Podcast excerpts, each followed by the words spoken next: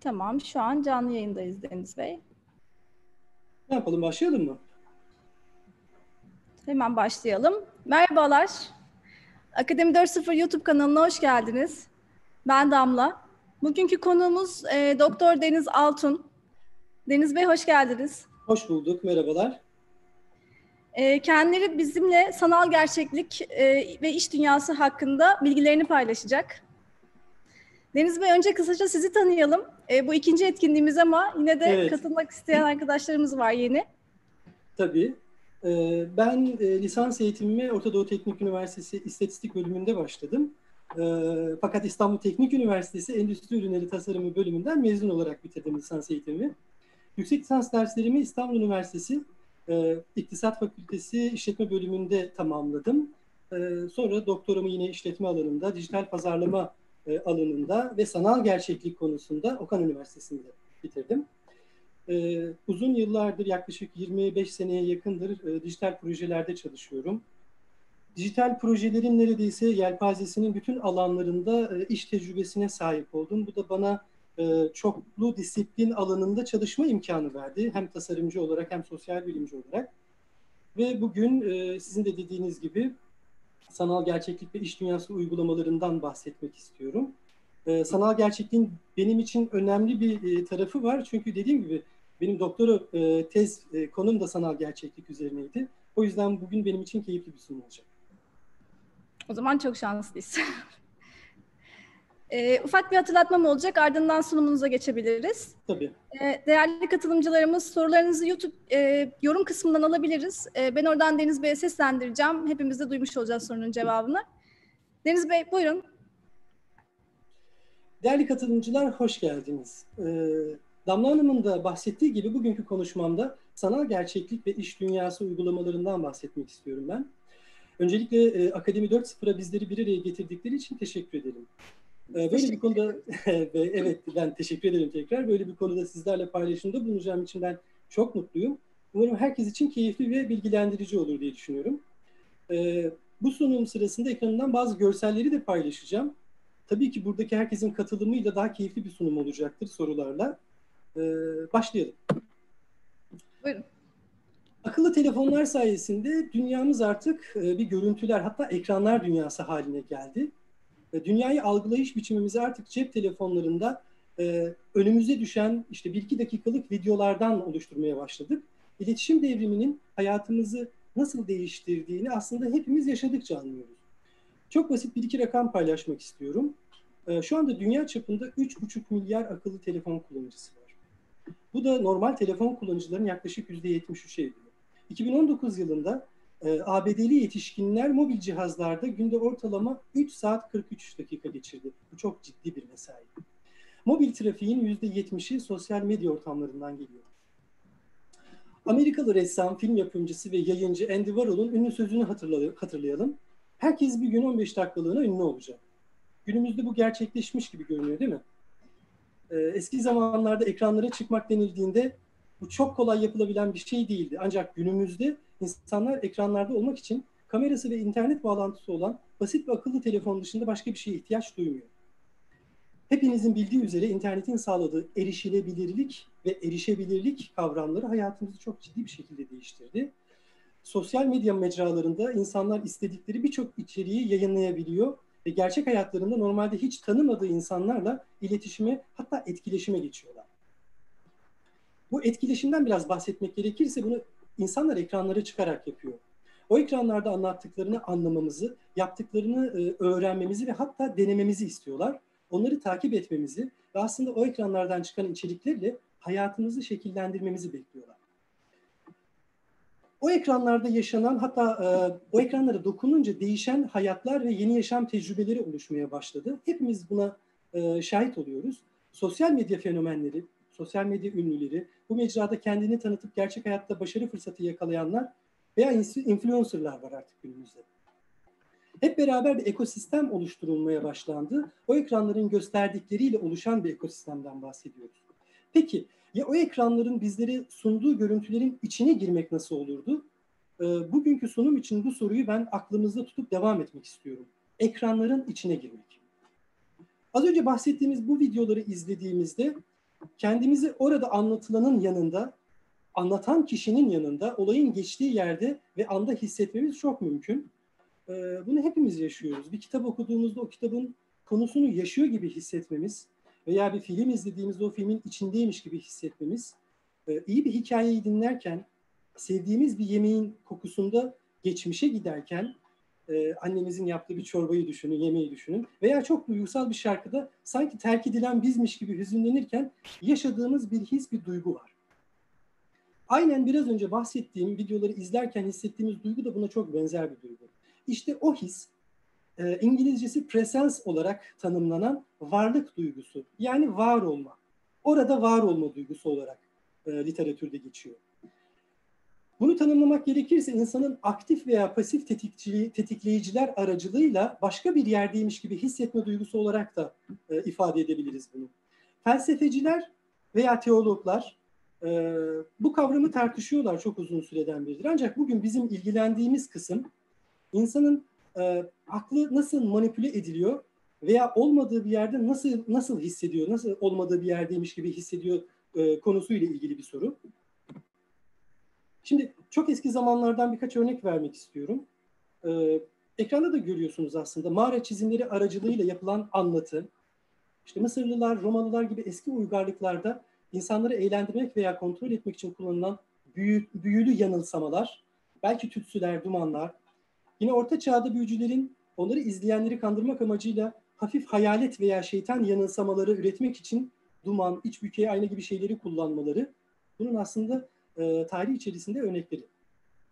Uygulanması yüzyıllar boyunca değişmiş olsa da aslında e, en kritik olan kavramlardan bahsedeceğim. Mevcut olmayanı aktarma, yanılsama yaratma ve varlık duygumuzu manipüle ederek hayal gücümüzü yakalama gibi temel hedeflerle Az önce bahsettiğim ekranların içine girme kavramı aslında aynı şeyi tarif ediyor.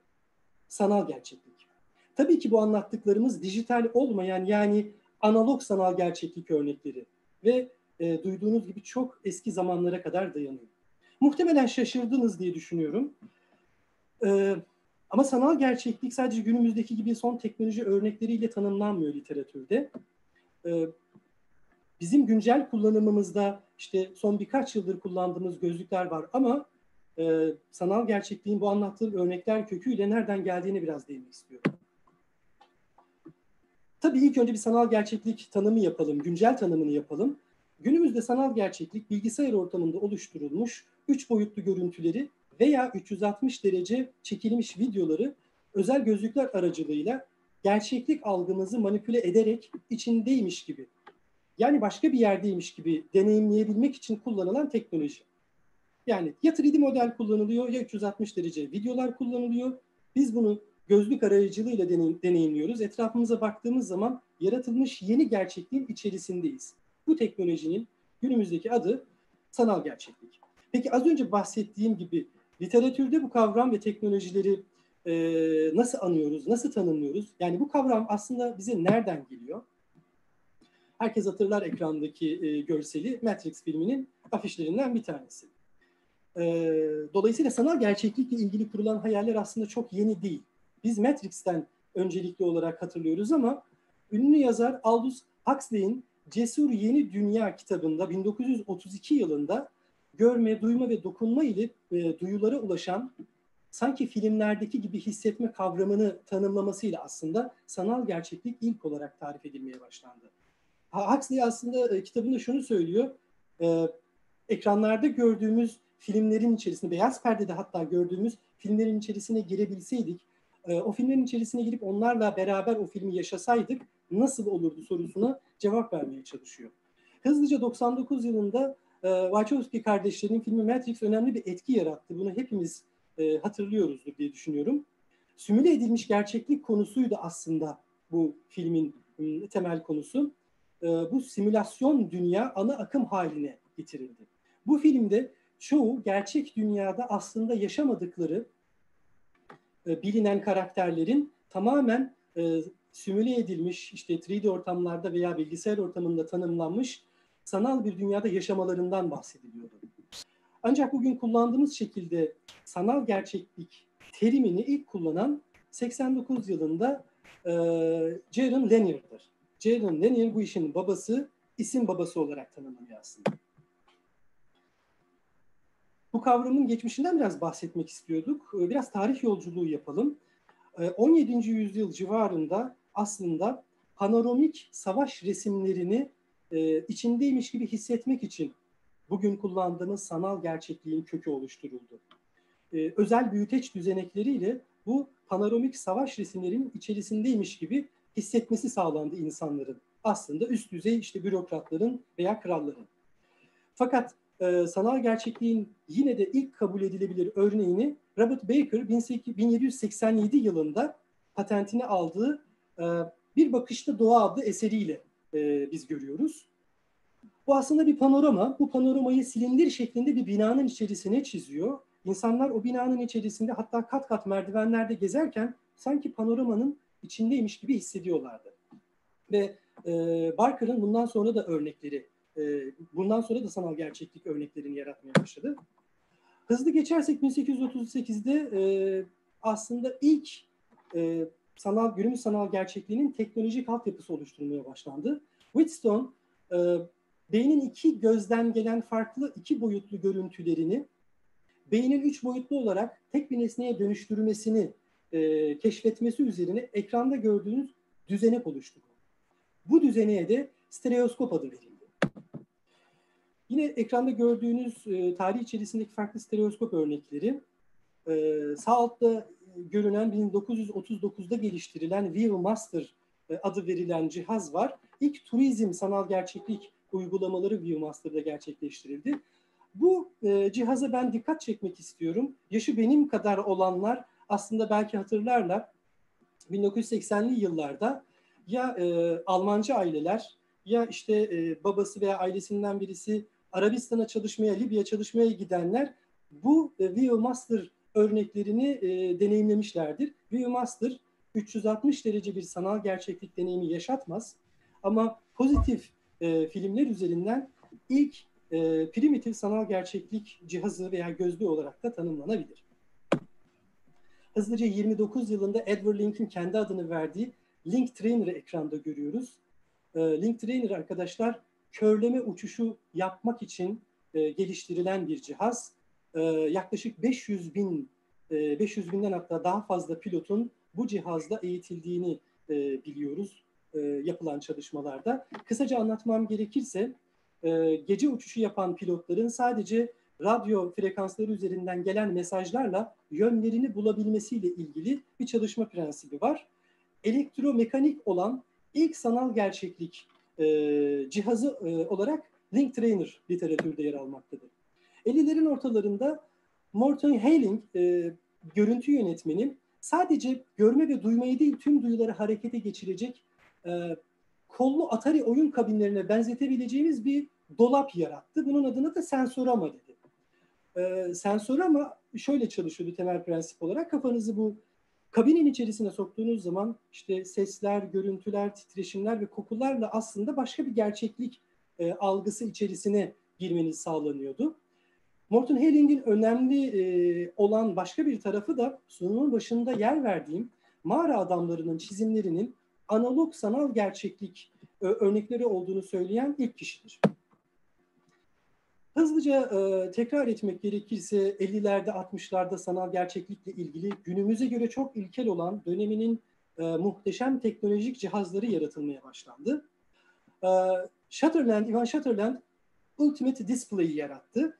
Gör, ekranda gördüğünüz Demokles'in kılıcına e, çevirdiği bu çalışmasını sanal gerçekliğin aslında ilk e, görüntüleme kabiliyetine sahip e, örneği olarak tarihte görebiliyoruz.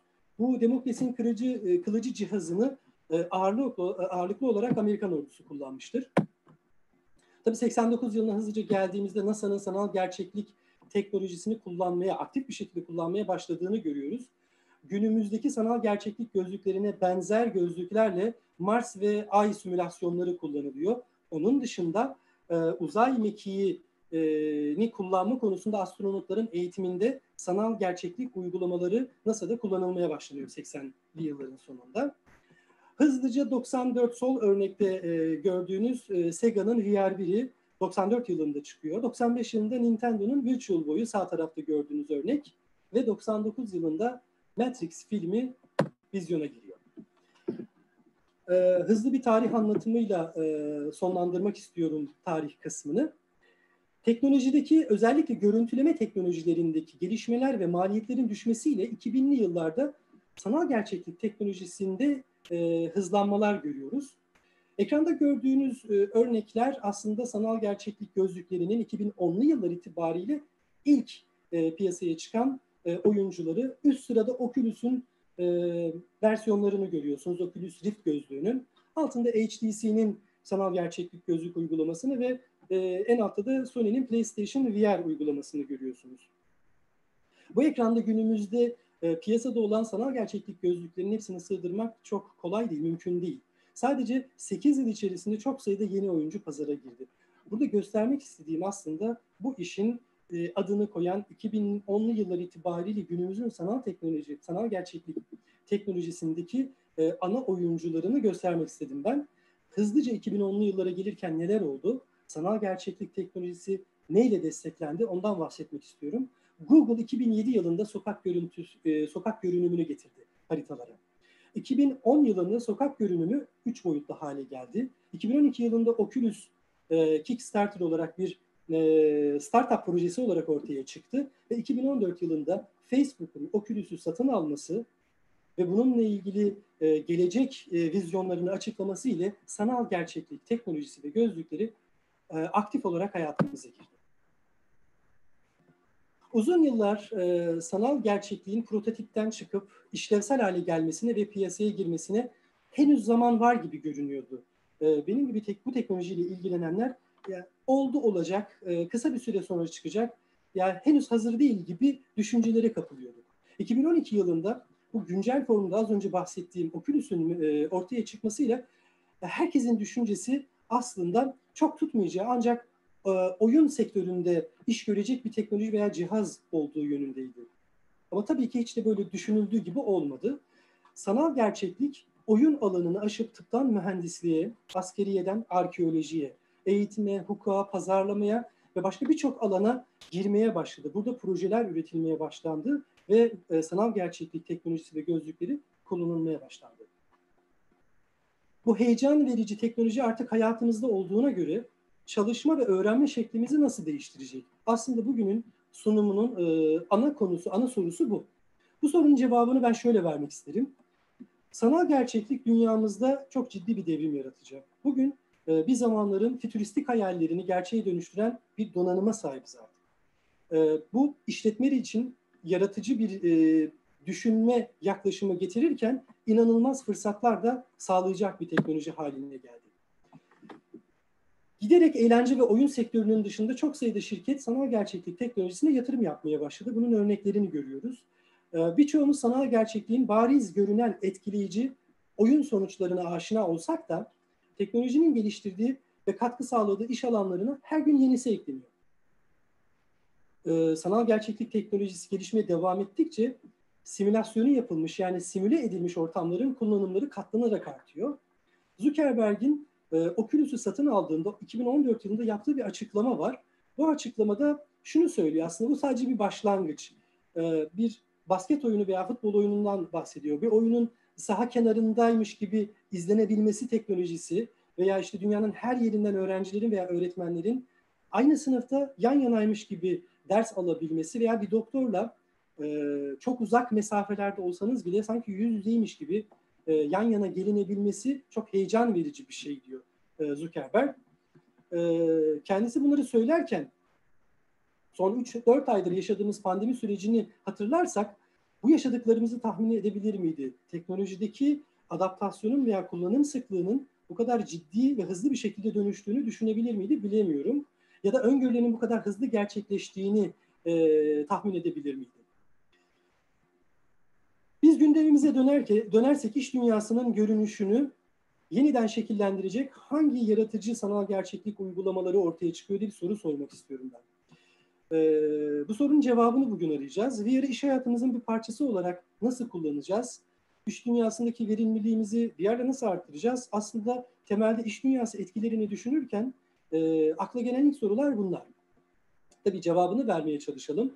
Tasarımdan gelişmeye, geliştirmeye, yani modellemeye, sanal prototiplemeye, havacılık ve gemi yapımı gibi veya askeriye gibi ağır endüstrilerde zaman ve maliyetten tasarruf sağlamaya ve hatta hataların erken yakalanmasına kadar birçok alanda sanal gerçeklik kritik bir öneme sahip artık günümüzde. Birkaç örnek vermek gerekirse önce sağlıktan başlayalım. Ee, sanal gerçekliğin son e, teknoloji olarak tanımlandığı, sanal gerçeklikten önceki teknolojilerle beraber e, e, adlandırılan teletıp diye bir kavram var. Sanal gerçeklik teletıp alanında e, ciddi gelişmeler sağladı. Ve sanal gerçeklik gözlüklerinin ilk kullanım alanı aslında askeriyeden sonra e, tıp alanı diyebiliriz. Uzak mesafedeki doktorların bir hastanın yanındaki bir e, teknisyen gibi veya hemşire gibi veya hastanın yanındaki doktor gibi onların gözünden bakıyormuş gibi e, çalışabilmesine sanal gerçeklik tıp projeleri izin veriyor. Cerrahlar sanal gerçeklik teknolojisini eğitim için veya zor prosedürleri canlı olarak denemeye gerek kalmadan simülasyonlarla denemek için kullanıyor. Örneklerine devam edersek sanal gerçeklikle ağrı tedavisi dünyada yaygın olarak kullanılan e, bir tedavi. Ekranda e, özellikle askeri alanda işte e, savaş yanıklarında vesairede sanal gerçekliğin ağrı tedavisinde kullandığını, kullanıldığını e, görüyoruz. Ekranda onun bir örneği var. E, yine benzer şekilde e, çocukların tedavisinde, ağrı tedavisinde de sanal gerçeklik kullanılıyor. Nasıl çalışıyor? Beynin ağrıya bağlı kısımları e, sanal gerçeklik uygulaması hastaya denendirildiğinde e, ağrı ile ilgili kısımları baskı altına alınıyor. Yani bazı durumlar insanların genellikle çok ağrı verici e, prosedürleri işlerken insanların aslında endorfin salgılamasını sağlıyor sanal gerçeklik uygulamaları. Başka bir dünyadaymış, aslında o ağrıyı hissetmiyormuş veya o operasyon onda yapılmıyormuş gibi düşünüyor. Dolayısıyla ağrıyı azaltıcı etkisi olduğu literatüre geçmiş durumda. Yine amput bireylerin VR terapisinden faydalanabileceğini literatürü gösteriyor. Normal şartlarda e, uzvunu kaybeden insanların sanki uzvunu kaybetmemiş gibi e, hissetmeleri, orada bir ağrı hissetmeleri söz konusu. Sanal gerçeklik aslında e, kontrollü maruz bırakma tekniğiyle e, amput bireylerin buna adaptasyonu sağlanabiliyor. Tıp alanında aktif olarak kullanılan örneklerden birisi. Ee, sanal gerçeklik vücut, vücut hareketlerini izlemek için kullanılıyor. Hastaların egzersizi için sanal gerçeklik uygulamaları kullanılmaya başlanıyor. Hastaların e, hareket kabiliyetini geliştirmek için veya aslında tıp örneğinin dışında yine spor örneğinde de belki hatırlayacağımız şekilde e, insanların egzersiz yapabilmesi için etkileşimli sanal gerçeklik uygulamaları kullanılıyor. Örneğin e, sanal bir topu yakalamak için başlarının üstüne bir kolunu kaldırması gereken hastalar sanal gerçeklik uygulamasıyla egzersiz yapmış oluyor. Ve e, bu konuda yapılan çalışmalarda e, katılımcıların önemli bir kısmı sanal gerçeklikle egzersiz yapmayı e, aslında spor salonunda egzersiz yapmak gibi hatta ondan biraz daha fazla eğlenceli bulduklarını söylüyorlar. Yine e, en kritik egzersizlerden birisi e, işte felçli bireylerin veya ağrısı çok olan bireylerin yürüme egzersizlerinde sanal gerçeklik uygulamaları kullanıyor. Ee, sanal gerçeklik uygulaması içerisinde hareketlerini daha yavaş yapabilen hastalar daha fazla kendilerini kontrol edebiliyor ve adaptasyonlarını daha yoğun bir şekilde sağlayabiliyorlar. Aslında sanal gerçeklik sağlık veya tıp uygulamalarının en eski örneklerinden bir tanesi tekerlekli iskemle kullanıcılarının eğitimi için kullanılması. Günümüzde çok düşük maliyetli olan bu uygulamalar 1990'lı yıllarda e, New York Times'ın bir makalesinde şöyle tanımlanıyor.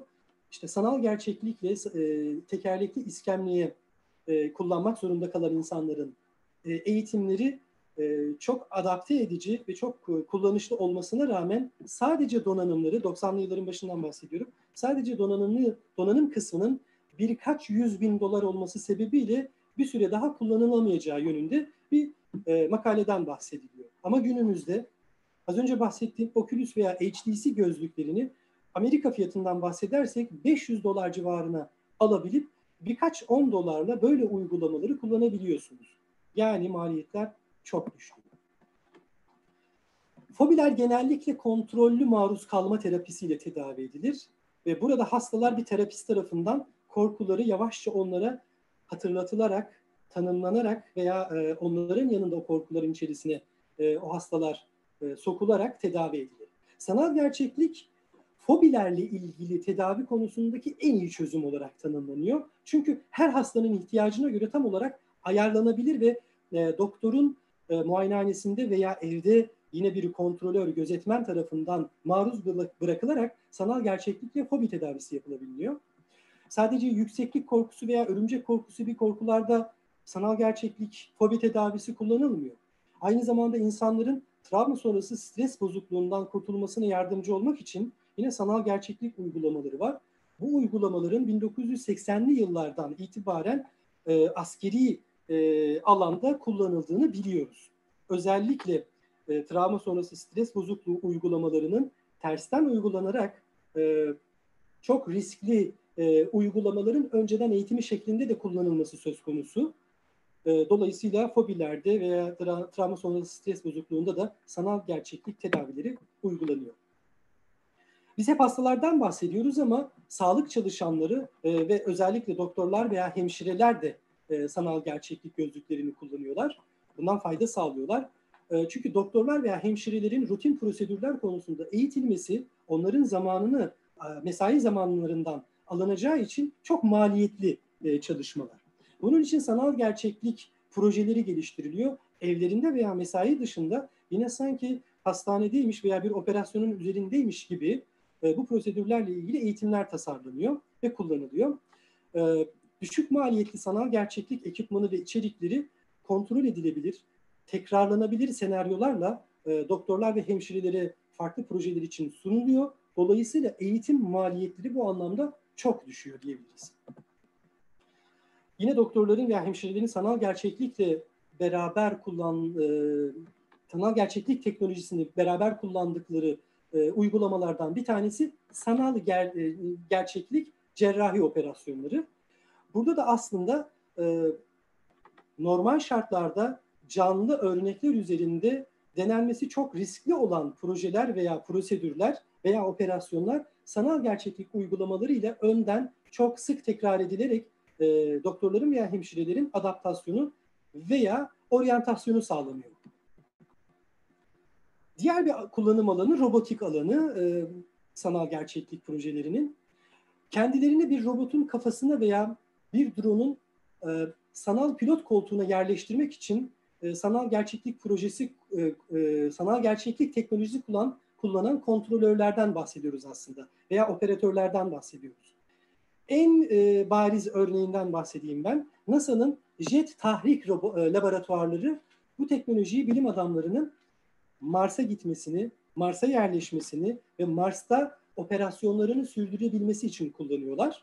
Ee, bu teknoloji sayesinde, bu proje sayesinde bilim insanları aslında sanki Mars'taymış gibi e, e, çalışabiliyorlar. Ofislerinden Mars simülasyonlarına erişebiliyorlar.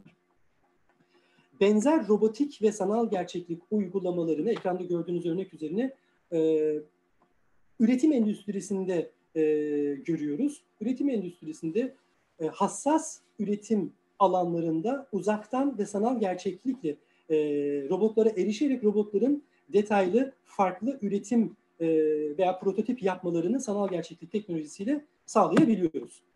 Yine benzer örneklerden bir tanesi bu e, akıllı robotlar, günümüzdeki akıllı robotların e, en önemli örneklerinden bir tanesi Google'ın e, şirketlerinden bir tanesi olan Boston Dynamics. Boston Dynamics ağırlıklı askeri projelerde veya endüstriyel projelerde yüksek riskli alanlarda uzaktan sanal gerçeklik ve yapay zeka desteğiyle robotların kullanımını sağlıyor. Şirketin çalışma prensibi buna yönelik olarak tanımlanmış. Dolayısıyla e, siz bir uzak bir alana, çok yüksek riskli bir alana bir robot gönderiyorsunuz ama sanal gerçeklik gözlüğüyle sanki o robotmuş gibi e, diğer bir lokasyonda işlerinizi gerçekleştiriyorsunuz. Ekranda gördüğünüz robot ve sanal gerçeklik ilişkisiyle ilgili proje örneği Toyota'nın. Toyota ürettiği ve sattığı ev asistanı robotları eğitmek için sanal gerçeklik teknolojisini kullanıyor.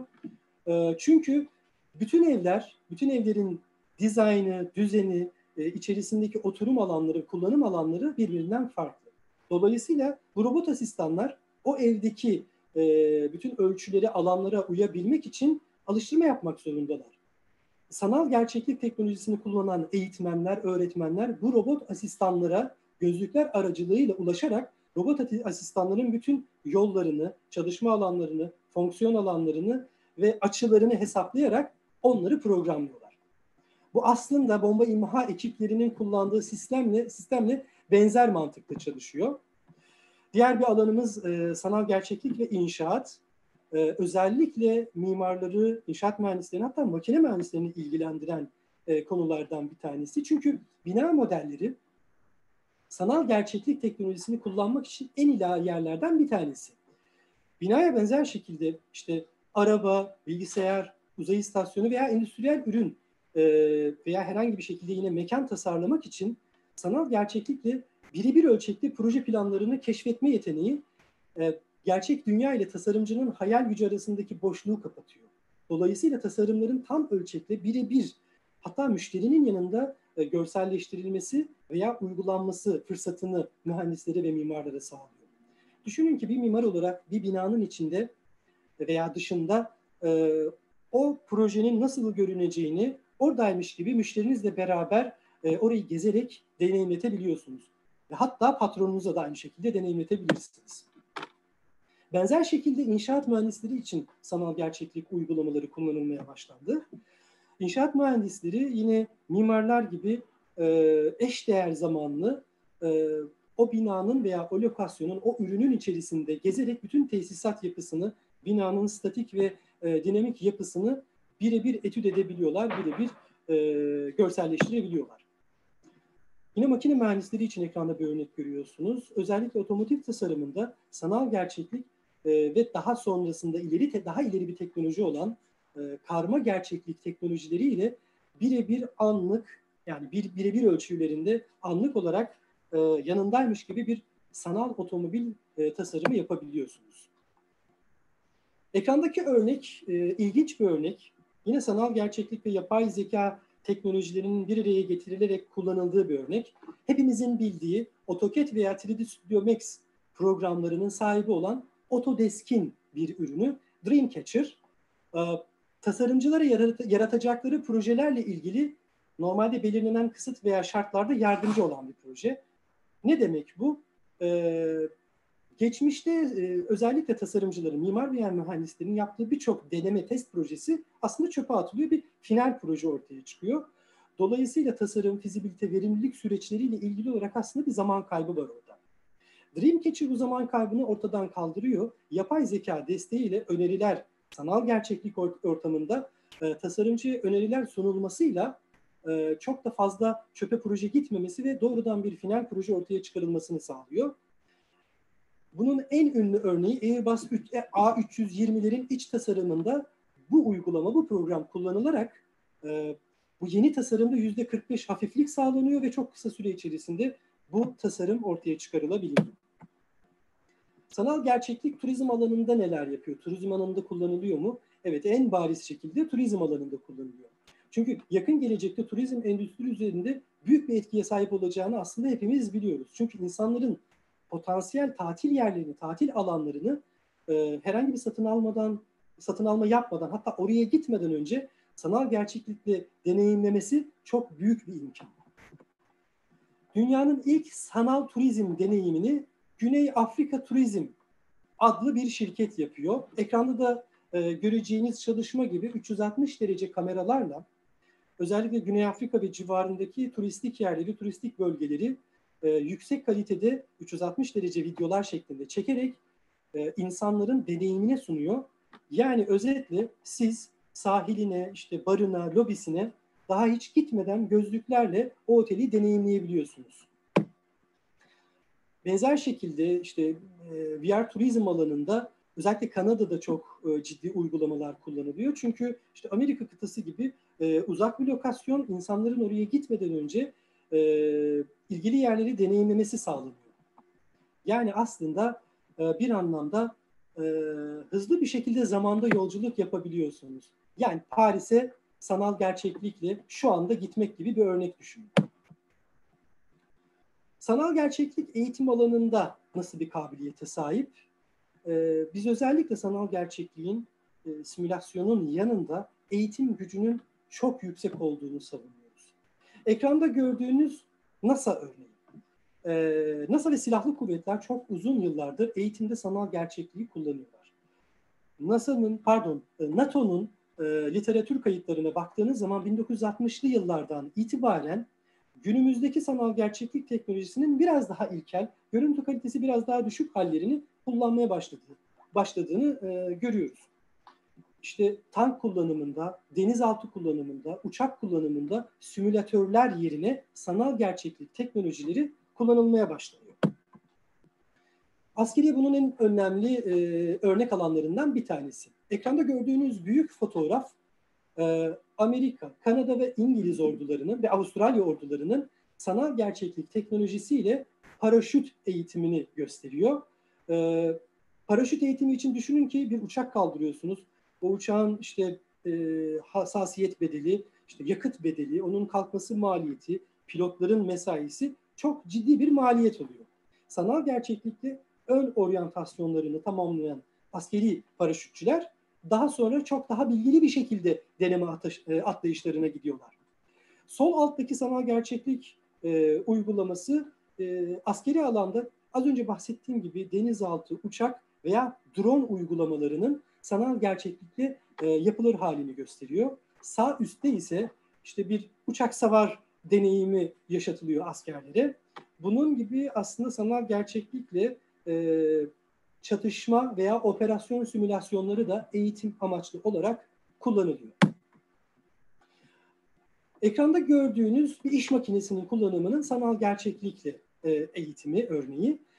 Aslında yüksek riskli ve maliyetli cihaz veya donanım kullanımında sanal gerçeklik e, uygulamaları kullanılıyor diyebiliriz. E, benzer şekilde e, bir ERP uygulaması olan SAP ile beraber çalışan bir sanal gerçeklik teknolojisi uygulamasının ekran görüntüsü. Yine yüksek riskli işlerde sahada bizzat bulunmayarak az önceki eğitim uygulamasına benzer şekilde doğrudan canlı yayınla sanal gerçeklik desteğiyle e, iş makinesini veya bir operasyonel cihazı uzaktan sanal gerçeklik teknolojisiyle kullanabiliyorsunuz. Bu da iş kazalarının önlenmesinde çok ciddi bir avantaj sağlıyor. E, bugün sürücüsüz motorlu araçların trafik kazalarında e, ne hale geldiği ile ilgili testleri biliyoruz. Veya dronların az önce bahsettiğim robotik projelerdeki gibi e, sanal gerçeklik gözlükleriyle uzaktan kumanda edilmesi de yine bu örneklerle beraber kullanılacak e, uygulamalardır. İş sağlığı ve güvenliği konusunda tartışmasız en iyi eğitimlerden bir tanesinin sanal gerçeklik olduğu artık e, meydanda. İş sağlığı güvenliği konusunda özellikle yüksek riskli e, projelerde veya alanlarda sanal gerçeklik uygulamaları kullanılmaya başlandı. Ekranda gördüğünüz bir fabrika örneği ama bunun dışında düşünün ki okyanusun ortasında e, bir petrol rafinerisi var, bir platformu var. Sadece oraya tecrübesiz birinin helikopterle, uçakla veya gemiyle bir şekilde gönderilmesi, gönderilmesi ve orada oryantasyon alması bile çok yüksek bir maliyet. Bu yüzden sanal gerçeklik e, teknolojisiyle oraya gitmeden önce iş sağlığı ve güvenliği ve oryantasyon eğitimlerini e, personeller alabiliyor. Aynı şekilde trafik ve araç kullanımı eğitimleri de sanal gerçeklikle e, verilmeye başlandı. Hatta e, İsrail'de e, özel e, sosyal e, ortamlara girme konusunda hassasiyeti olan bireylerin trafik veya ehliyet eğitimlerini doğrudan sanal gerçeklikle e, sanal gerçeklik teknolojisiyle e, verilmesi kanunla e, sağlandı. İşletmelerin oryantasyon eğitimleri sanal gerçeklikle verilmeye başlandı. Düşünün ki her yeni gelen elemana e, bir personel ve eğitimci ayırarak işte oryantasyon veriyorsunuz. Bu bir fabrikaysa fiziksel alanları, fiziksel lokasyonları çok olan ve uzak olan yerlerde ise çok ciddi bir eğitim maliyeti oluşturuyor. Fakat siz sanal gerçeklikle bu eğitimleri, bu oryantasyon eğitimleri vermeye başlarsanız çok ciddi bir maliyet avantajı kazanıyorsunuz ve sınırsız tekrar imkanı oluşuyor. Buraya kadar eğitimden bahsederken hep yetişkinler üzerine örnekler verdik. Ancak en önemlisi çocukların ve gençlerin sanal gerçeklikle eğitilmesi. Bu sayede küçük yaştan itibaren deneyimsel öğrenme ile çok daha verimli bir öğrenme fırsatı yarat, öğrenme bir fırsat, öğrenme fırsatı yakalıyor çocuklar. Bu konudaki en önemli projeyi Google'ın e, Expedia projesi gerçekleştirmiştir. Expedia projesini biraz açıklamak gerekirse sanal gerçeklik gözlükleri olan çocukların yanında sanal gerçeklik gözlüğüyle bir öğretmen sanal gerçeklik içeriklerini çocuklara iletebiliyor ve o, o içerikleri, ders içeriğini özellikle yönetebiliyor. Yani şöyle düşünün, sınıftasınız, işte Kadıköy'de, Beşiktaş'ta e, e, sanal gerçeklik eğitimi alan bir çocuksunuz, sınıftasınız. Öğretmeniniz size Mısır piramitlerini, sizin Mısır piramitlerini gezmenizi sağlıyor. Veya su altında işte e, su altı canlılarının yaşamlarını deneyimlemenizi sağlıyor. Hatta sola bakın deyip orada bir şeyi işaretleyebiliyor. Sağa bakın bakın aşağıda şunu görebiliyor musunuz diye orada başka bir şeyi işaretleyebiliyor. Google Expedia uygulamalarının yanında çok daha fazla sanal gerçeklikle e, ilk öğretim ve liseye kadar olan gençlerin eğitimi konusunda projeler geliştirilmeye başlandı. Pazar bu konuda ciddi ciddi e, uygulamalar görmeye başladı. Perakende alanındaki örneklere gelirsek, e, en ünlü örneklerden bir tanesi North Face gibi şirketlerin e, müşterilerinin sanal gerçeklikle işte kıyafetleri, ortamları veya e, farklı alanları deneyimlemesi uygulamalarıdır. E, sanal gerçeklik gözlükleriyle mağaza içerisinde yarattıkları köşelerle müşterilerin hem mağaza içerisine girmesini hem mağazayı deneyimlemesini hem de sanal gerçeklik uygulamalarını deneyimlemesi sağlanmıştır. E, bu uygulamalarla işte North Face müşterileri sanal olarak bir dağ veya duvara, duvara tırmanabiliyor. Böylece müşteriler e, firmanın ürünlerinin nasıl dışarıda performans gösterdiğini deneyimleyebiliyor. Bu alandaki en bilinen örnek IKEA'nın artırılmış gerçeklik uygulamasına benzer sanal gerçeklik uygulamasıdır. Ee, IKEA'nın uygulamasına benzer örnekler piyasada çoğalmaya başladı. Kullanıcılar mobilya veya diğer ürünleri sanal gerçeklik gözlükleriyle farklı lokasyonlarda, farklı mekanlarda birebir ölçekte deneyimleyebiliyorlar. Benzer şekilde hızlı tüketim ürünleri alanında da bu uygulamaları görmeye başlıyoruz. Sanal gerçeklikle dizayn edilmiş, tasarlanmış market uygulamaları ortaya çıkmaya başladı. Birkaç sene önce eBay Avustralya sanal gerçeklik mağazasını açtı arkadaşlar. Bu konularda e, bu mağaza öncü olmuş durumda. Şöyle düşünün pandemi döneminde uzaktan çalışma, uzaktan eğitim veya uzaktan alışveriş gibi alanlarda yaşadığımız e, agresif davranış değişikliklerini düşünün hepimizin. E, bu hızlı dönüşümü gele, yakın gelecekte sanal gerçeklikle yaşamaya başlayacağız. İhtiyaçlarımızı, almak istediğimiz hizmet veya ürünü sanal gerçeklik gözlükleriyle deneyimleyerek satın alma kararı vereceğiz. Çünkü sanal gerçeklik perakende alanında ürünü uzaktan deneyimlemeyi mümkün kılıyor ve birebir ölçekte deneyimlemeyi sanki oradaymış gibi deneyimlemeyi mümkün kılıyor. Sanal gerçeklik ve e, spor uygulamalarından bahsetmek istiyorum. Sporcuların performansını artırmak için antrenmanlarda kullanılmaya başlandı. Yani e, sanal gerçeklikle futbol antrenmanı, sanal gerçeklikle tenis veya basketbol antrenmanı, hatta sanal gerçeklikle boks antrenmanları, kickboks antrenmanları yapılmaya başlandı. Bu seyirciler tarafında ise eşsiz bir deneyim sunuyor. Bu zamana kadar işte e, televizyonlardan izlediğimiz futbol müsabakalarını veya basket müsabakalarını sanki sahanın yanındaymış gibi gözlüklerimizi takarak izleyebilme fırsatı buluyoruz. Dolayısıyla daha stadyuma gitmeden evimize stadyumu getiren sanal gerçeklik teknolojisiyle e, sporun doğrudan içerisine girmiş olabiliyoruz. E, FIFA'nın örneklerinden bir kare gösteriyorum. Temsili bir kare bu aslında. E, saha kenarına koyulan 360 derece e, kameralarla uzaktan sanal gerçeklik teknolojisiyle sahanın yanından futbol izleme imkanı yaratılmıştır. Benzer şekilde NBA'in de uygulamalarını e, duymuşsunuzdur diye düşünüyorum. Peki sektörlerden genel olarak bahsetmeye çalıştık ama sıradaki ne? Sırada ne var? Şu anda dijital işin yani dijital iş dünyasının kaçınılmaz evrimine aslında tanık oluyoruz. Sanal gerçeklikle yapılan ve yapılacak iş biçimleri mevcut iş modellerini yatırım ve risk kararlarını, etkileşim ve ortaklıklarının oluşumunu e, bununla ilgili çalışacak profilleri ve özellikle şirketlerin dijital dünyada varoluş şekillerini değiştiriyor ve bunu sorgulamamızı sağlıyor. Fiziksel dünyada ve müşteri hizmetlerinden e, pazarlama alanına kadar her alanda İK, finans, askeri, tıp, bütün alanlarda iş dünyasında yapılabilecek VR süreçleri söz konusu. Gerçekleştirilebilecek, tasarlanabilecek VR süreçleri söz konusu. Bunların e, yanında müşterileri, personeli veya öğrencileri, hedef kitleniz kimse? Eşsiz bir deneyim sunma imkanı yaratıyor sanal gerçeklik iş dünyasında bize. Dolayısıyla e, hedef kitlenizin kararını değiştirmek için etkin bir teknoloji olarak karşımıza çıkıyor. Şu an gördüğümüz aslında sadece bir başlangıç. 1700'lü ee, yıllardaki analog sanal gerçeklik teknolojilerinden bahsettik. Hatta mağaralardaki resimlerden bahsettik. İşte 1900'lü yıllarla bir şeyler canlandı ama 2010'larda Oculus'la hayatımıza girdi. 10 sene bile değil. Sadece başlangıç. VR teknolojisi ilerledikçe e, sanal dünyalarda çok daha yoğun, çok daha sık ve çok daha fazla sanki oradaymış gibi hissiyatını yakalamaya başlayacağız. Bu gelişme hızını düşünürsek yakın gelecekte çoğumuzun sadece e, sanal bir dünyada çalışacak olması mümkün. Yani pandemi döneminden önce online eğitimleri çok fazla ciddiye almazdık. Online eğitim altyapısını ya, e, hazırlamış şirketler veya işletmeler, hatta üniversiteler bunu öncelikli kılmazdı. Ama pandemiyle beraber aktif bir şekilde online eğitime girdik. Çocuklarımız online eğitim aldı. Biz online iş görüşmesi yaptık. Online çalıştık.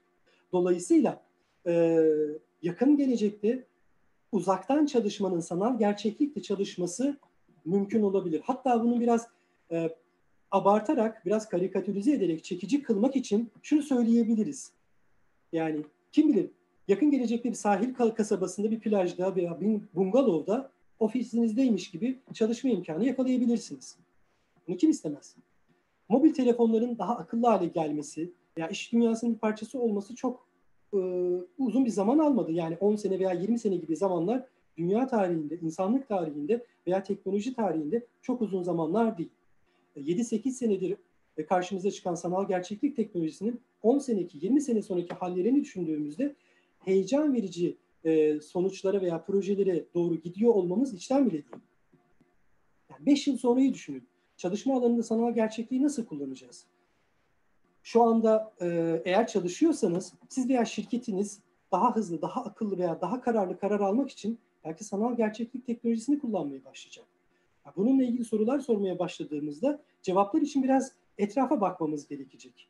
Örneğin Neuralink projesini, e, Elon Musk'ın açıkladığı Neuralink projesini hatırlayan vardır. Hatırlamayanlar için ben hızlıca bahsetmek istiyorum.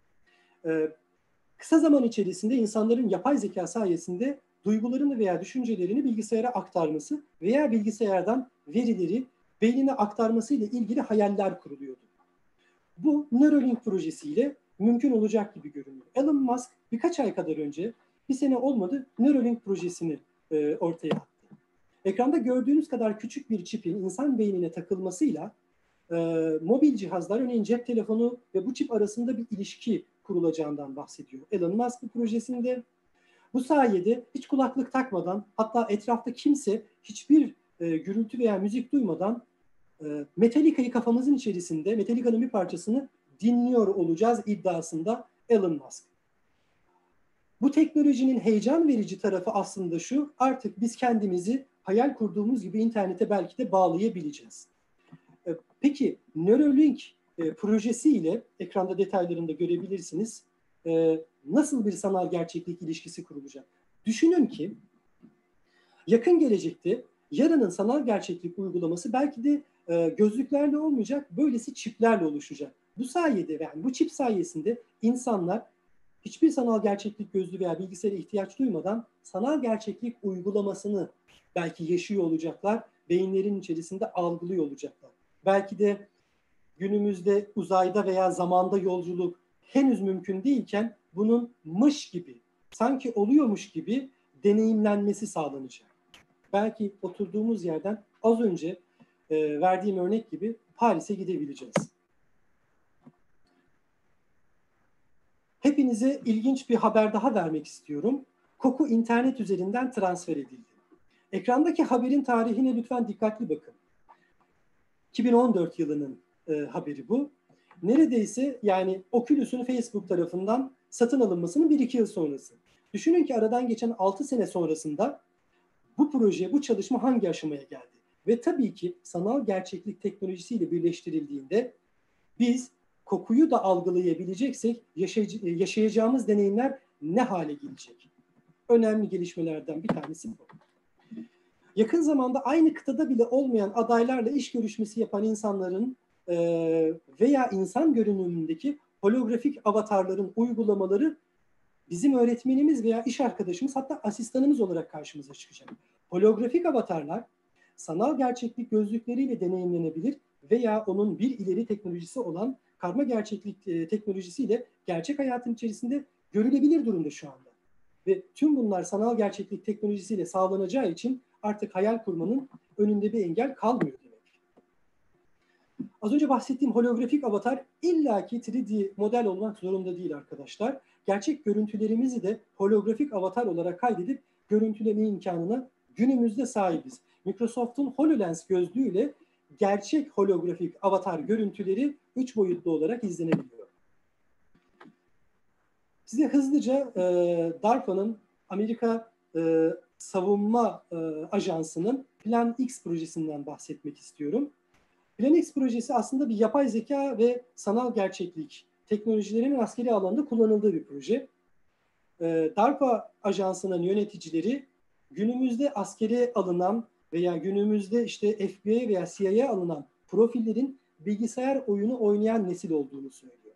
Dolayısıyla bilgisayar oyunu oynayan neslin farklı durumlar, tabii askeri alanda, farklı durumlar karşısında nasıl davrandığı, hangi seçimleri yaptığı, hangi zaaflara sahip olduğu gibi çok detaylı bilgi toplayarak aslında muhtemel siber saldırganların davranışlarını öngörmeye çalışıyorlar.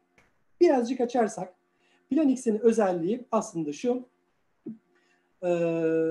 DARPA bu projede işte online hack yapabilme, online hackerların yaptığı aksiyonları bir dijital kütüphane haline getiriyor. Yani işte çok basit ifadeyle biraz karikatürize ederek kodlar yazarak işte düğmelere basarak hack yapmaya çalışıyor ya hackerlar. Temel teori bu. Bunların işte bir düğmeye basılarak yapılacağını, birkaç düğmeye basılarak yapılacağını söylüyor DARPA. Ekranda gördüğünüz örnek aslında bu e, aksiyonlarla ilgili işte noktalara basarak harekete geçirilebilecek bir proje olduğunu söylüyor. Projenin ikinci aşaması Oculus gözlükleriyle yapılacak.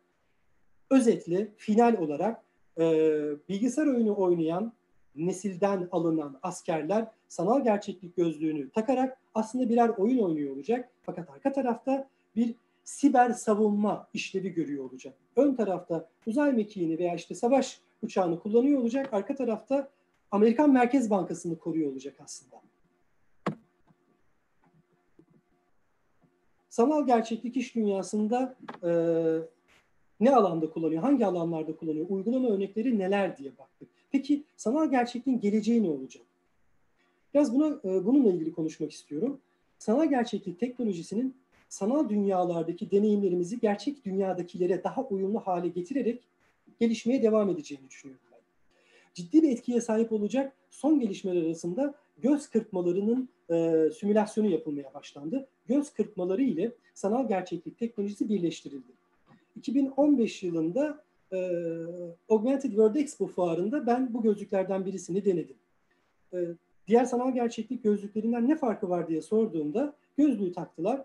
Gözlerimin bazı noktaları oynayan hareketli noktalarla ilgili takip e, kalibrasyonunu yaptıktan sonra ben sadece gözlüğün içerisinde gözlerimi hareket ettirerek savaş uçaklarını vurabildim. İşte Tetris oynayabildim. E, sanal bir odanın içerisindeki mobilyaları hareket ettirebildim. Dolayısıyla yakın gelecekte göz hareketleriyle izleme teknolojisiyle sanal tek, e, sanal gerçeklik teknolojisinin birleştirilmesi harika projeler ile karşılaşmamızı sağlayacak. Daha ilerisi için beyin dalgası aktivitelerini birbirine bağlayan deneyler şu anda günümüzde zaten yapılıyor. Potansiyel olarak e, çevremizi veya çevrem, sanal gerçeklik ortamı içerisindeki objeleri değiştirmemizi sağlayacak beyin dalgası ve sanal gerçeklik teknolojisi e, birleştirmesi e, projelerini göreceğiz. Bunları anlatıyorum ama sakin olun. E, bunlar sadece sanal gerçeklik ortamlarında yapabileceğimiz veya deneyimleyeceğimiz teknolojiler olarak adlandırılıyor veya sunuluyor. En azından şimdilik böyle tanımlanıyor. mevcut üst düzey sanal gerçeklik gözlükleri hala onlara güç sağlamak için e, genellikle pahalı veya işte çok kabiliyetli bilgisayar kullanmakla e, çalışabiliyor. Yakın gelecekte daha bağımsız gözlükler, enerjisi veya pili çok uzun süreye giden gözlüklerle sanal gerçeklik teknolojisinin hayatımızda, iş hayatında olan uygulamaları çok daha e, gelişmiş hale gelecek. E, bütün bunlar sayesinde iş hayatında işte Microsoft, Sony veya Google gibi firmaların geliştirmeleriyle sanal gerçeklik yakın teknolojisi olan artırılmış gerçeklikle birleşerek karma gerçeklik teknolojisini bize sunmaya başladı. Dolayısıyla iş dünyasında çok daha nitelikli, çok daha e, etkili, çok daha sanal gerçekliğin büyüsü olan oradaymış gibi hissettiren projeleri görmemiz mümkün.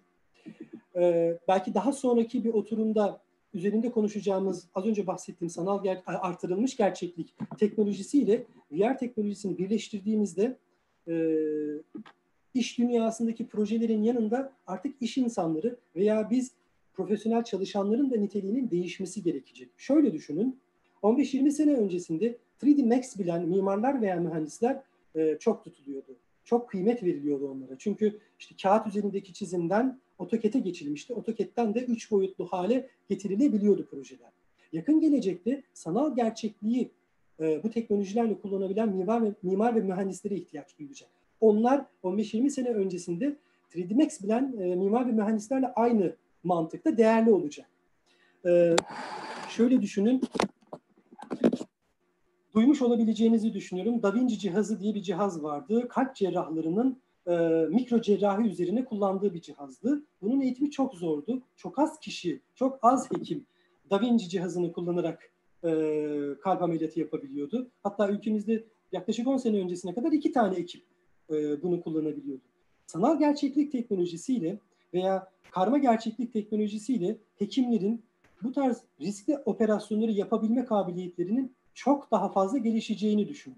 Dolayısıyla sanal gerçeklik gözlüğünü takan bir hekimin o riskli operasyonları daha önceden çok fazla deneyimlemesi sebebiyle mikro cerrahiyi sanki damarın içindeymiş gibi, sanki belki hücrenin içindeymiş gibi yapabiliyor olması çok yakın. Ee, başka bir e, aslında eğlenceli örnek vermek istiyorum. Yine karikatürize edilen bir örnek gibi görünebilir ama benim için kıymetli bir örnek.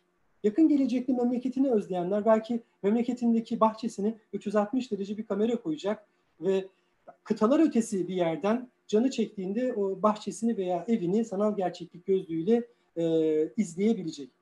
Bu sanal gerçeklik teknolojisinin aslında e, basitleştirilmesi anlamına gelmiyor.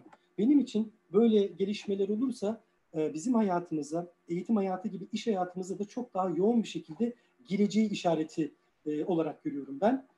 E, dokunma duyusuna yönelik yapılan çalışmalardan kısaca bahsedersem sanal gerçeklikli koku oldu, işte ses, gürültü oldu ama henüz dokunma yok. Bununla ilgili çalışmalar yapılıyor.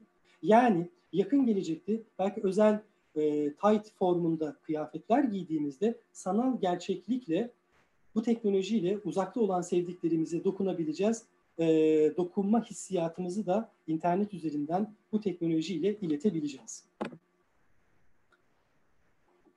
Aslında e, insan başka bir forma doğru dönüyor arkadaşlar. E, sanal gerçeklik veya kısaca e, VR düşüncesinin ilk insanlar kadar köklü olduğunu, yıllar içerisinde değiştiğini, teknolojinin avantajlarıyla dönüştüğünü, bugünkü muhteşem formuna ulaştığını gördük. Bu hızla ilerlerse çok yakında beynimizdeki bir çipe kadar küçüleceğini ve bizim bir parçamız olacağını öngörebiliyoruz. Hayal kurmak, şu anda var olmayanı deneyimlemek, hayatı farklı katmanlarla zenginleştirmek sadece oyun ve eğlence dünyasının hedefi değil artık. İş dünyasının da hedefi bu. İş dünyası bütün bu kazanımları kullanmak ve teknolojiye gerçek anlamda e, yatırım yaparak fark yaratmak, fark yaratarak kazanmak istiyor. Bu alandaki örnekleri heyecanla izlerken e, bir yandan da kendi işimizle veya mesleğimizle VR teknolojisinin nasıl ilişkilendiğini e, görmeye çalışıyoruz ve bununla ilgili hepimiz sorular soruyoruz. Bu yüzden bu soruları sormaya bence devam etmemiz gerekiyor. Hem dijital yerliler olarak anılan e, yani bu dünyaya doğmuş olan Z kuşağı hem de dijital dünya ile sonradan tanışmış bizler veya bizden önceki nesiller olarak bir yol ayrımındayız. Ya dünyadaki değişime uyum sağlayıp dijital dönüşümün aktörlerinden olarak tarihe birer ana olarak geçeceğiz e, ya da tarihin derinliklerini bu uyumsuzluğu yakalayarak, daha doğrusu bu uyumu yakalayamadan e, uyumsuzlukla e, tarihten silinip gideceğiz. Son sözlerim bu kadar. Hepinizi dinlediğiniz için çok teşekkür ederim. Katıldığınız için çok teşekkür ederim. Evet. Biz teşekkür ederiz. Ee, çok duyuyorsunuzdur belki ama bize kısa bir Black Mirror aktardınız. Çok teşekkürler. Ee, size sorularımız var. Ee, önce katılımcılarımızın sorularını ileteyim size.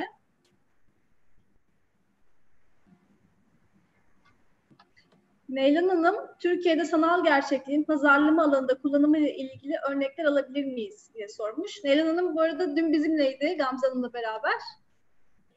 O zaman tamam. e, teşekkür ederim Neylan Hoca'ya. Hmm, Türkiye'de sanal gerçeklik ve pazarlama alanında e, bazı deneyimsel pazarlama örnekleri yapıldı. Bu alışveriş merkezlerindeki e, ürün uygulamaları e, son birkaç yıl içerisinde deneyimsel pazarlama örneği olarak görüldü.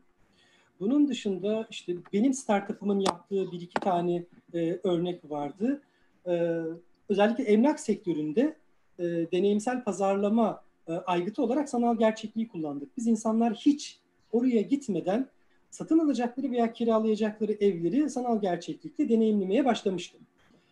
E, bunun dışında uluslararası e, firmaların, e, firma adı verebiliyor muyuz Damla Hanım? Yani Coca-Cola'nın aslında bir iki tane sanal gerçeklik örneğini gördük biz. İşte e, eğlence deneyimi yaşatması adına. Dolayısıyla henüz erken örnekler olmasına rağmen birkaç senedir Türkiye'de deneyimsel pazarlama aracı olarak sanal gerçeklik teknolojisi ve örnekleri kullanılmaya başlandı. Ee, biz de etkinliklerimizde kullanıyorduk daha önce yaptığım işlerden. Ee, denediniz mi diye sorarsanız hayır. Galiba bir kere e, bir taktım ama çok başka bir dünya yani sanal gerçeklik benim için. Gözlükten bahsediyorum bu arada. Evet. E, umarım ilk fırsatta bu e, pandemiden e, normal hayata döndüğümüzde bizim sanal gerçeklik gözlüklerimizle sizi iş dünyası ile ilgili deneyimler sunabiliriz. Evet. İsterim. Ziyaret ederim sizi. Tabii. Ee, bir sorumuz daha var. Serdar Bey sormuş. Türkiye'de aktif olarak kullanılan alanlar var mı?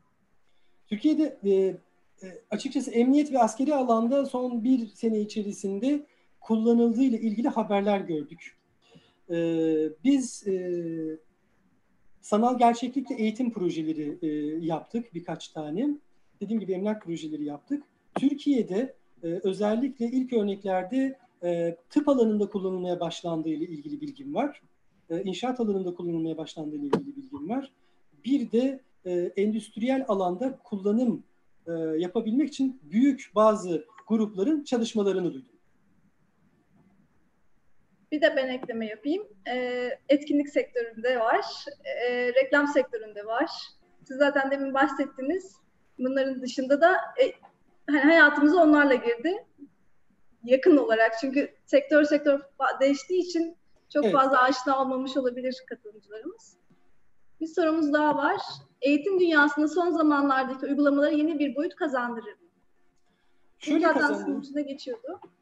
Ee, evet yani şöyle kazandırır. E, tekrar etmiş gibi olacak ama sanal gerçeklik bugün e, tek başına bir teknoloji değil. Bir, yapay zeka ile birleşiyor. İki, artırılmış gerçeklikle beraber e, karma gerçekliği oluşturuyor. Dolayısıyla eğitimde bizim en önemli gördüğümüz şeylerden bir tanesi deneyim yaratabilmek.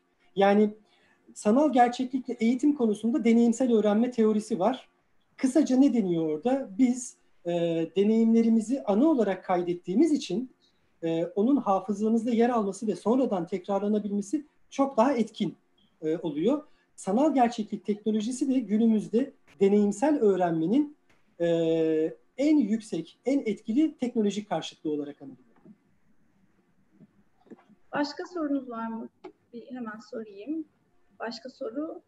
O zaman ben bir soru sorayım. Belki katılımcılarımızın hakkında e, bir Tabii ki, çok mutlu olurum. Sanal gerçeklik e, konusunda dokunma ve koku. Siz zaten ufak bir giriş yaptınız. Hı hı. Hani belki e, ben okuduğum haberlerde ya da makalelerde bunlarla karşılaşıyorum. Belki bu işin magazinidir hani 2014'te bahsetmişler. Hı hı. Şimdi e, şimdiki süreçte ne durumda? Aslında birazcık onu öğrenmek istiyorum. Yani doku ve koku gelecek mi? Ee, şöyle söyleyebilirim. Son kullanıcılara koku ve doku gelecek mi diye sorarsanız cevabını gelecek diye verebilirim. Ama e, koku ve doku uygulamaları var mı? Evet var. Biz e, yeni teknolojiler veya ileri teknolojilerle ilgili olarak MIT'nin teknoloji laboratuvarlarına dönüp bakmak isteriz devamlı. Oralarda yapılan çalışmaların e, son kullanıcıya e, doğru artık hazırlık aşamasına geldiğini e, biliyoruz, duyuyoruz. Dolayısıyla yakın gelecekte insanlar sanal gerçeklik gözlüklerini taktıkları zaman işte e, ıhlamur bahçesinde olduğunu hissedebilecek veya e, İsrail'de şu anda kullanılan bir e, uygulama var. Pandemi döneminde hastanede karantina altına alınan hastaların aileleriyle olan görüşmelerini sanal gerçeklik gözlükleriyle yapıyorlar. Dolayısıyla düşünün ki işte çok gergin, çok stresli, ölüm riski olan bir süreç geçiriyoruz. Hastaya siz o söylediğimiz özel kıyafeti giydiğinizde annesinin, babasının, sevdiğinin dokunma duygusunu hissedebilecek. Evet. Bu gerçekten şu zamanda özellikle sarılma duygusuna hepimiz Aynen. özellikle ailemize ihtiyacımız var. Hemen bir bakayım sorumuz var mı başka? Başka sorunuz var mı Deniz Hoca'ya? Sarılma duygusuyla ilgili ben kısa bir şey söylemek isterim. Tabii buyurun. Ee, geçenlerde bir e, araştırmada e, bir konferansta aslında dinlemiştim. Ee, kimsesiz çocukların içerisinde e, ne yazık ki ölüm oranlarının fazlalığı üzerine yapılan bir araştırmada bakıyorlar ki işte e, bu kimsesiz çocuklara iyi bakılmıyor mu? Kötü muamele mi görüyorlar? Gıdaları veya ilaçları mı eksik diye sorulara cevap arıyorlar. Bu sarılma duygusu eksikliği sebebiyle e, o çocukların bir kısmının hayatını kaybettiğini görüyoruz. Dolayısıyla biraz böyle e, kimileri için ya dokunma, tight giyeceğiz de işte dokununca ne olacak, okşayınca ne olacak diye düşünebilir insanlar ama sarılma duygusunu biz uzaktan simüle edebilirsek insanların ömrünü uzatabileceğiz. Yani bağışıklığı arttırdı doğru. Aynen Kalp kırıklığından da sadece kullar ölmüyor. Öyle bir haber okumuştum geçenlerde de.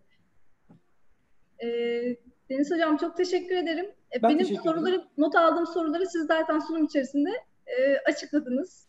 Bir son dakikada bu dokumak ve koku duygusunu e, sordum. Yalnız bir sorum da olacak. Dün Neylan Hanım ve Lans Hanım'a da sordum. Pandemi bu süreci hızlandırdı mı sizce? Yani bu e, teknolojik gelişmelerdeki hani sarılma duygusundan konuştuk ya. Sizce evet, hızlandırdı mı? Bu konuda şunu söyleyebilirim. Hani e, Türkiye'de iki tane yaklaşım var. Pazarlama dünyasına bakarsanız yeni teknolojik bir şeyleri pazarlama konusunda karar vericileri götürdüğünüz zaman ya bizim insanımız bunu kullanmaz derler. Ama teknoloji adaptasyonu, adaptasyonu konusunda bakarsanız bizim ülkemizdeki insanlar çok hızlı uyum sağlıyorlar. Benzer şekilde online eğitimler veya online çalışmalar konusunda dikkat ederseniz çok hızlı bir geçiş yaşadık. Buna direnç gösterenler olduğu kadar e, direnç göstermeyenler ve kabul edenler de oldu. Ve direnç gösterenler de mecburen çok hızlı bir şekilde kabul etti. Şimdi şöyle düşünelim sizin sorunuza cevap verebilmek için. Görünüyor ki biz Eylül-Ekim'e kadar yine bu kontrollü e, online e, iş yapma, uzaktan çalışma, uzaktan e, eğitim gibi konulara devam edeceğiz. E, olur da ikinci bir dalga olursa, bir aksilik olursa Eylül'den sonra da devam edeceğiz. Peki eski normal dediğimiz şeye döndüğümüz zaman e, her şey normal mi kalacak? Buna alışmışken, bunun konforuna alışmışken, imkanlarına alışmışken oraya dönmek acaba kolay olacak mı? E, yapılan çalışmalar gösteriyor ki kolay olmayacak. Artık hayatımızın bir parçası olacak bu. Uzaktan çalışma ve uzaktan eğitim. Dolayısıyla teknolojik olarak e, konforu, imkanı, etkisi daha fazla olan, bunları arttıran e, başka bir şey olursa e, ona adaptasyonumuz da hızlı olacaktır diye düşünüyorum. Yani sanal gerçeklik teknolojisini biz evimizdeki bilgisayarlar ve cep telefonları gibi erişebilir bulursak evet o gözlüklerden eğitim alacağız, o gözlüklerle çalışacağız. Teşekkür ediyorum tekrar. Ee, uyum sağlayan hayatta kalacak. Aynen öyle. Başka şansı yok. Bu yani e, homo sapienslerden beridir böyleydi. Çok teşekkür ediyorum. Ben teşekkür ederim. Çok sağ olun. kabul edip geldiğiniz için. Çok sağ olun.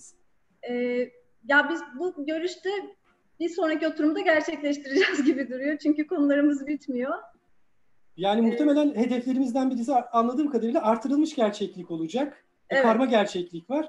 Onlarla ilgili oturumları umarım e, sınıf ortamında beraber yan yana yaparız.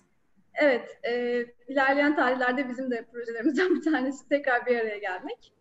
Tekrar çok teşekkür ediyorum size Ben teşekkür ederim, çok katkılarınızdan sağ olun. dolayı. E, o zaman bir sonraki etkinlikte görüşmek üzere. Görüşmek üzere, hoşçakalın. Hoşçakalın.